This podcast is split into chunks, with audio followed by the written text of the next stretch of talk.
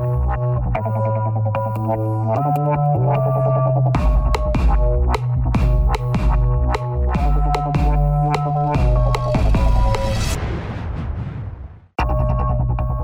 Nilqakom għal podcast tagħna Sports Guest by Times of Malta fejn illum se nitkellmu mal-ex defensur ta' Liverpool Jan Molby eh, li ma' tim eh, ta' Merseyside rabaħ tliet kampjonati kif ukoll tliet FA Cups u miegħu tkellimna kemm fuq il-karriera tiegħu kif ukoll dwar il-tim ta' Liverpool u s-suċċessi li kiseb eh, f'dawn l-aħħar snin kif ukoll kif jara futur ta' Liverpool u anki tkellem ukoll rigward il-problemi li għaddejn bħalissa minnhom Manchester United u anki it-tim ta' Chelsea. Nisimgħu din l-intervista ma' Jan Molby.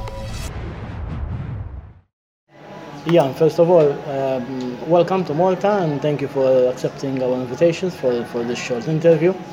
Um, first of all, um, I believe this is your first time in Malta. And what brought you here? Yeah, it's hard to believe, isn't it? Uh, I've been fortunate enough over the years to travel to most countries in the world, but I've never been to Malta. Uh, but a friend of mine uh, lives out here and uh, he set up a little bit of an event. So that's really the reason I'm here is to uh, played a bit of poker on a Wednesday night and we're doing an event on the Thursday night. Um, how does it feel to relate your football story to to people here in Malta in a, a quite different way than Yeah, but I think- done? I think football just links people, doesn't it? it, it, it it's like a common language, isn't it? Most people have some kind of interest in football. Uh, so it's always a perfect opportunity to tell a few football stories about when I used to play and also maybe some things about or views about how the game is today. Um, Liverpool has been an integral part of your career. Yeah. You play most of your career with Liverpool. What does but the club Liverpool represent for your Modi? Yeah, it's. Uh, I think a lot of clubs you can play for don't necessarily become part of your life. You just play for the club and then you move on.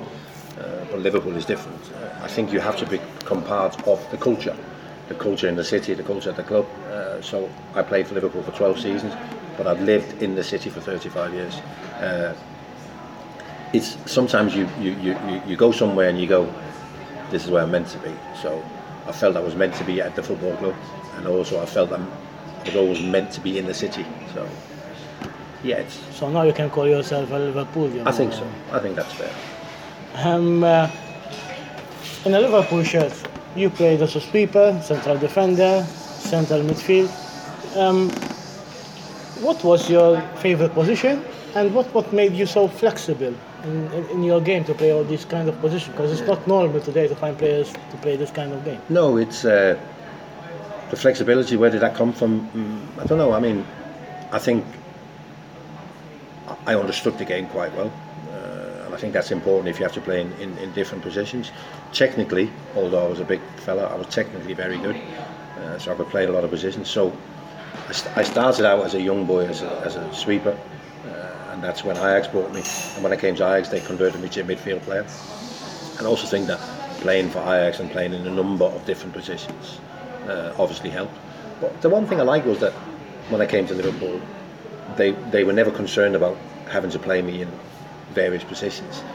So first time I had to play centre half in a, in a, in a flat back four, which was very unusual. Uh, I, I sort of looked at the manager and I went, me? And he went, not a problem. You know, and luckily he wasn't.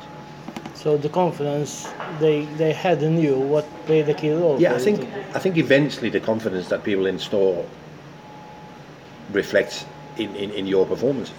Uh, to start off with, you always think that they only say these things to be nice, but I, after a while you kind of think it's it's quite genuine because they never worried about having to play me in various positions. Um, you played with a very talented Liverpool team in the 80s. Um, uh, how do you compare that team with today's team, which is equally successful? Yeah, no, I mean absolutely. I mean it's difficult to compare teams over generations. Uh, the only thing we could do when we played was to try and beat the teams we play against, uh, and we did that on a regular basis. Uh, what we did, we, we, we sort of maintained success for a long, long time because we we had the best players. This team now also has some very good players, but I also think they have some players who are still overachieving. Uh, and I don't know how long you can overachieve for. You can't you can't overachieve for the whole career. You can maybe overachieve for one or two seasons. So it's interesting to see where this team will be maybe in two years' time. But uh, in terms of the best players in this team now, they would be as good as anything Liverpool has ever had. Um, you enjoyed a lot of success with Liverpool. You won three league titles, three FA Cup, apart from, from, from other trophies.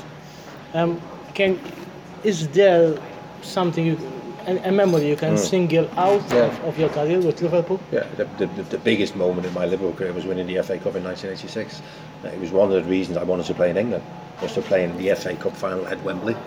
Uh, and then when we got there in 1986, uh, not only were we playing Everton, uh, but also it was the first FA Cup final for any of our players. Nobody had ever played in an FA Cup final before. Alan Hansen, Ian Rush, Kenny Dalglish never played an FA Cup final before, so it was big for everybody. Uh, and the fact that we won the match 3-1, it also became the second leg of winning the double. The double is winning the league, and then uh, so yeah, winning the FA Cup. The moment when the referee blows the whistle and you realise, wow, you know, because it was the first. It was the first time Liverpool had ever won the double, so it was very special. And in that match, you were the protagonist uh, in a way because you set up all three goals Liverpool scored. Yeah, I mean, you obviously hope to play in, in, in big games, and then when you play in big games, you hope maybe to do something so people remember you. Uh, there's been a lot of players who played in FA Cup finals, and people don't remember them. Uh, but I think I'm fortunate in that when people talk about the 86 FA Cup final, somewhere you, you probably have to mention my name because because of what I did. You were a member of that Liverpool team that last won the league title in England almost 30 years ago now. Liverpool last season came very, very, very close to win that wait. But in your opinion, um, what lacks Liverpool to, to, to win the league title?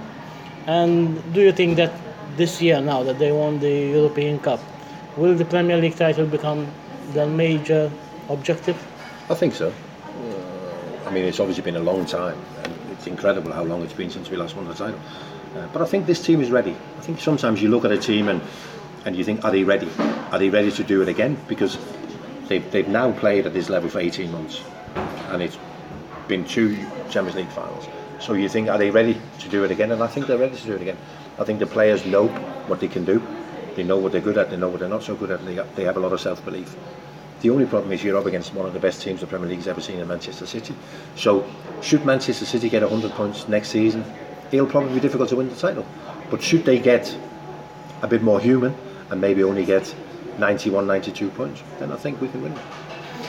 Um, obviously, one of the stars of Liverpool last season was Virgil van Dijk. Um, do you think, first of all, that how crucial he was, his acquisition for Liverpool to achieve the success of last season? Yeah, I think I think a lot of people realised he was a very good player when he was at Southampton, but I don't think people quite realised his sort of personality and the things he could do for players around him.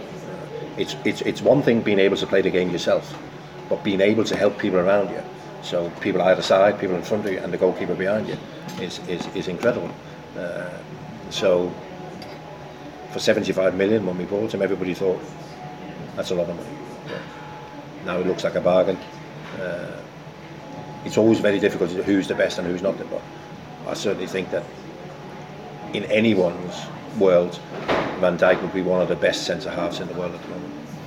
And obviously, his performances somewhat um, put players like Mohamed Salah and uh, Mane uh, in, in, in the sidelines because all the attention was on him. Yeah, uh, but I think Liverpool have always had players who score goals. You know, you can go back a long time. It's Kevin Keegan or Ian Rush or Michael Owen, Robbie Fowler, Fernando Torres, Suarez. Liverpool have always had people who score goals. So when they see somebody who scores goals, of course they love him, but they've seen a lot of them. But what we've been looking for for a long time is a defensive giant. So, so when he came, it was like almost everybody fell in love with him because they go, "This is what we need," and and I think it's been proved that the, transformation he's been part of it. It's exactly what we needed. And I think even how you said his leadership qualities are Yeah. helping young players like Alexander Trent-Arnold, like Joe Gomez.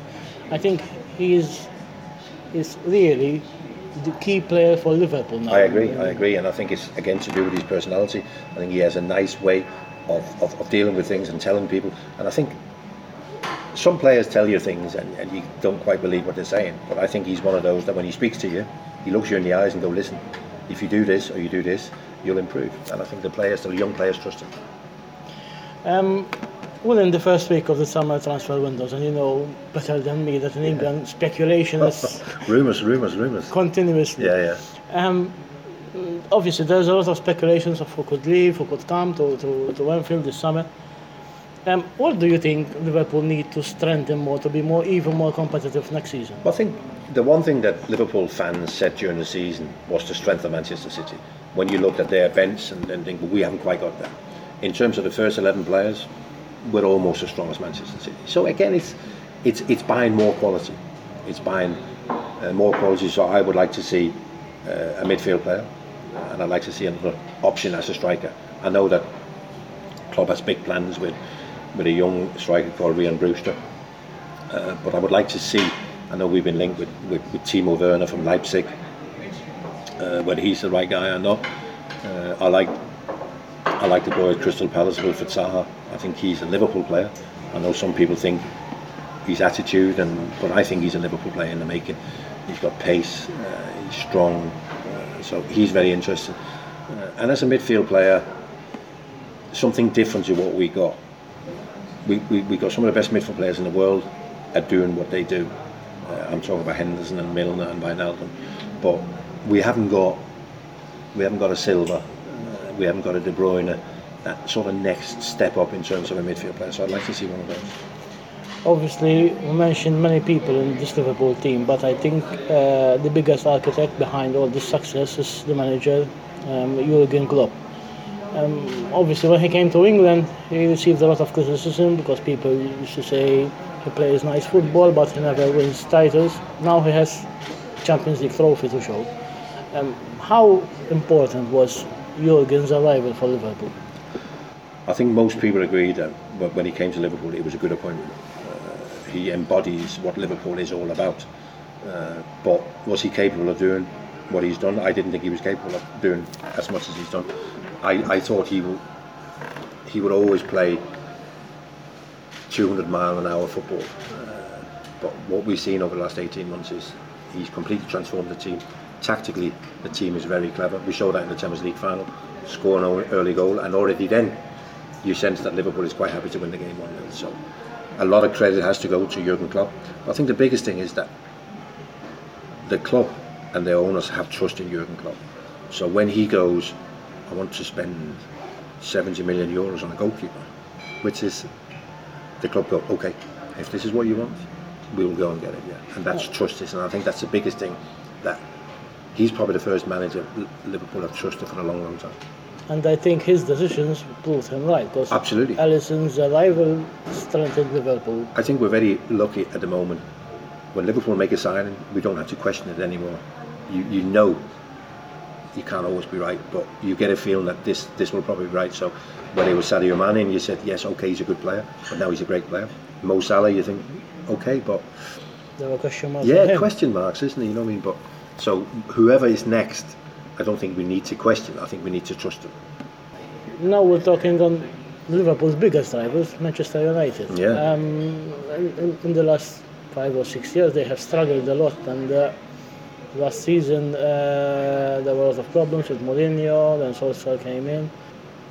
Are you surprised of their different performances? Yeah. And uh, um, what do you think is the solution for them? Because obviously it, it cannot be fixed in just one season. No, but that's the problem, isn't it? And I think that's what they've been doing.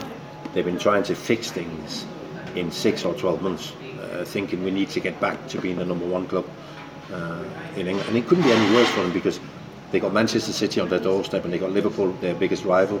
Uh, so it, it is a problem, but they, they, they, probably have to do what Liverpool do. Uh, first and foremost, you have to get the best from the players you've got.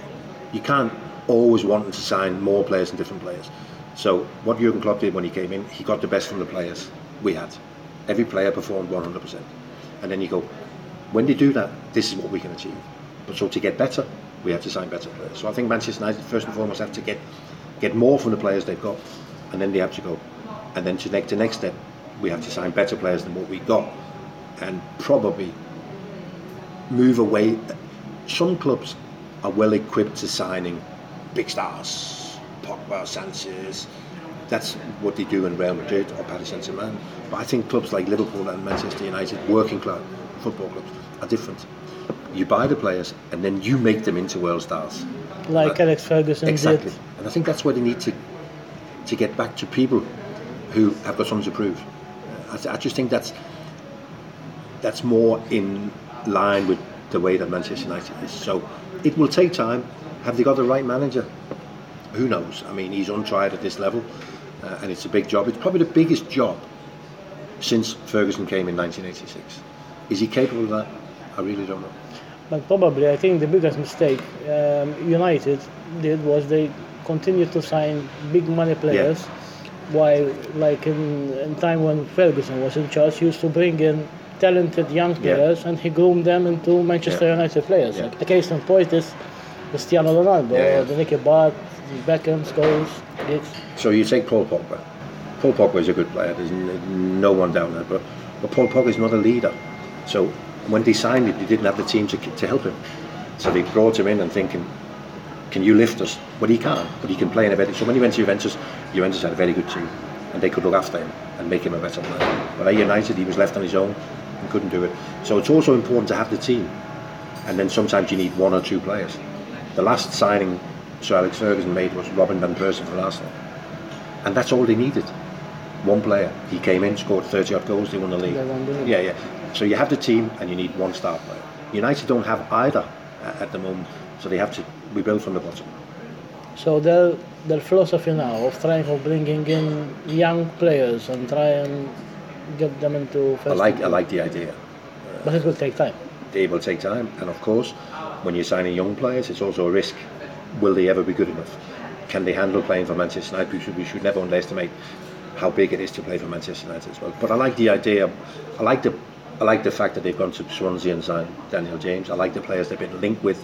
Still, he guarantees you nothing. Uh, but the least you have to do is give the manager time and give him money and see where it takes you. And I think patience is one virtue that is lacking in England at the moment. Yeah, it's yes, and, and, and for Manchester United, I think it comes with the fact that it's Manchester City and Liverpool. It couldn't be any worse. Chelsea now have le- Maurizio Sarri has left as manager and now are being linked with uh, Frank Lampard. Do you think it's a good decision, um, when, especially when you think that they have two transfer windows without strengthening the team and they lost Eden Hazard? And uh, whether it's, if it's a gamble or maybe, I don't know. I think it's a good. I think it's a good decision for Chelsea uh, because there's been some unrest at Chelsea for, for a while. Even Sarri, who had a good season, uh, but there was some unrest. So there's been unrest for a while. So who unifies the supporters? A club Club legend. legend. Yeah, exactly. So you bring in Frank. Is it a good decision for Frank? I don't know. It's going to be really difficult, and it's pretty straightforward, isn't it? You're a manager of Chelsea. You have to finish in the top four or qualify for the Champions League. Can he do that without being able to bring players in and having lost? Some people would say he's one of the top three best players in the Premier League and Eden Hazard. It's, it's going to be really, really difficult. So I think it's a good decision by Chelsea, but for Frank, it's a gamble. And I think one biggest question marks on, on his appointment is his inexperience in management Yeah. because he's only been one season at, Derby. at Derby. But maybe, I, see, I don't know what Frank is thinking as a manager. I don't know whether he wants to be a manager for 30 years or whether he wants to manage Derby and then take a chance at Chelsea. And if it doesn't work, he'll walk away and do something. I don't know whether that's a plan or not. Maybe that was just his dream. I played for Chelsea now, I want to manage Chelsea, and we'll see where it takes you. And it could be also that this is an opportunity that maybe in a year's time it wouldn't Yeah, be that's, there. eh? that, that is always the problem, isn't it? It's here now. Now they're going to offer me the job. So, as we believe the rumours, he, he won't be able to turn it down. And one final question. Um, obviously, you played in the English First Division. Now there's the Premier League. Completely, the pace of the game has changed completely.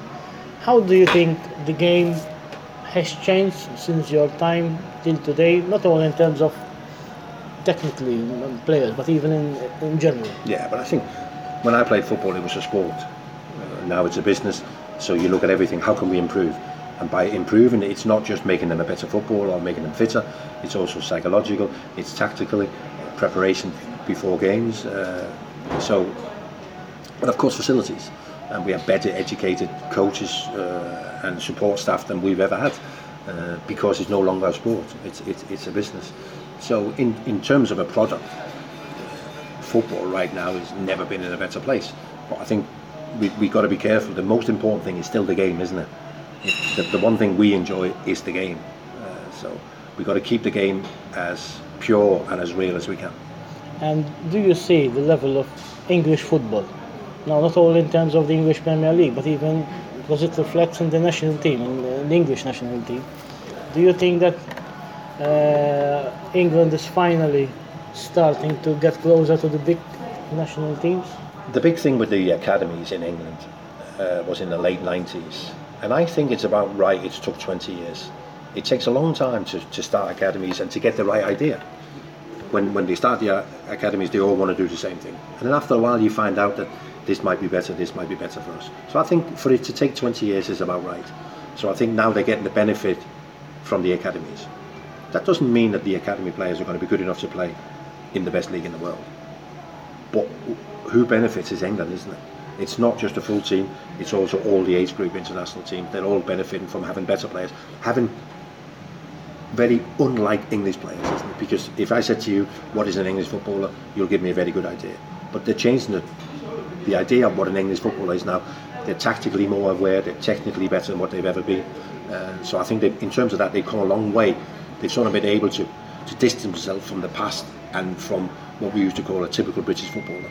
Uh, now they're in line with, with what goes on in, in all the other big footballing countries in the world. And that is what is making the English national team more competitive in the international scene. Yeah, I, I think I think you look at all the players who play for the full England team and also the under 21s, and, and you think, well, they all look like proper international footballers.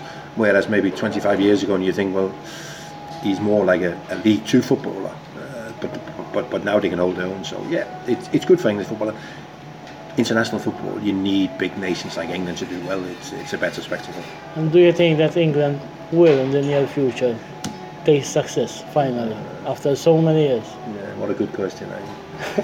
can they do it? Uh, one thing is certainly for sure, if they did it, the roof would come off the country. They would go absolutely crazy. Uh, but yeah, I think there's a big trophy coming for England in the next few years. Thank you very much. No problems, you're welcome.